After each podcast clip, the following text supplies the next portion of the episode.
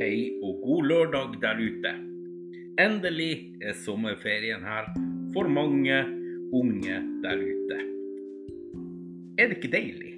Ligge lenge om dagene, nyte godværet og bare være til. Det her er rett fra hjertet, en annerledes podkast. Velkommen skal dere være til å lytte på. Ha.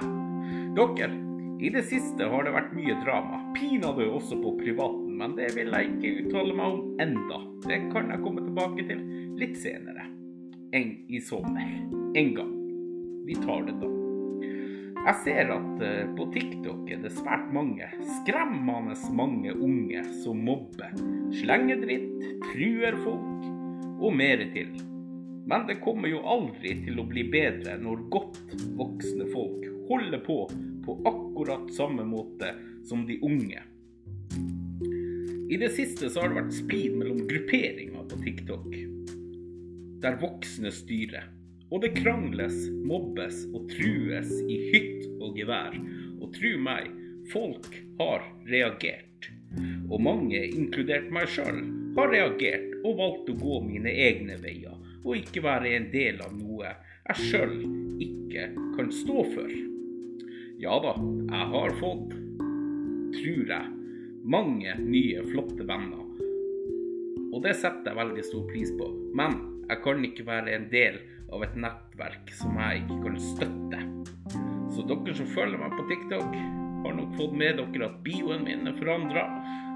Og det er en liten lettelse, må jeg jo få lov å si sjøl. La oss ha det gøy.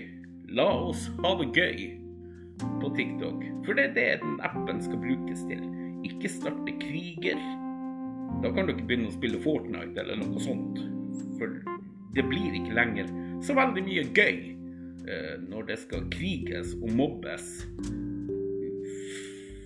fra voksne folk som skal gå fram som et godt eksempel og være et forbilde for unge som bruker sosiale medier. Og så sitter dere og oppfører dere som barnehageunger. Det holder ikke mål.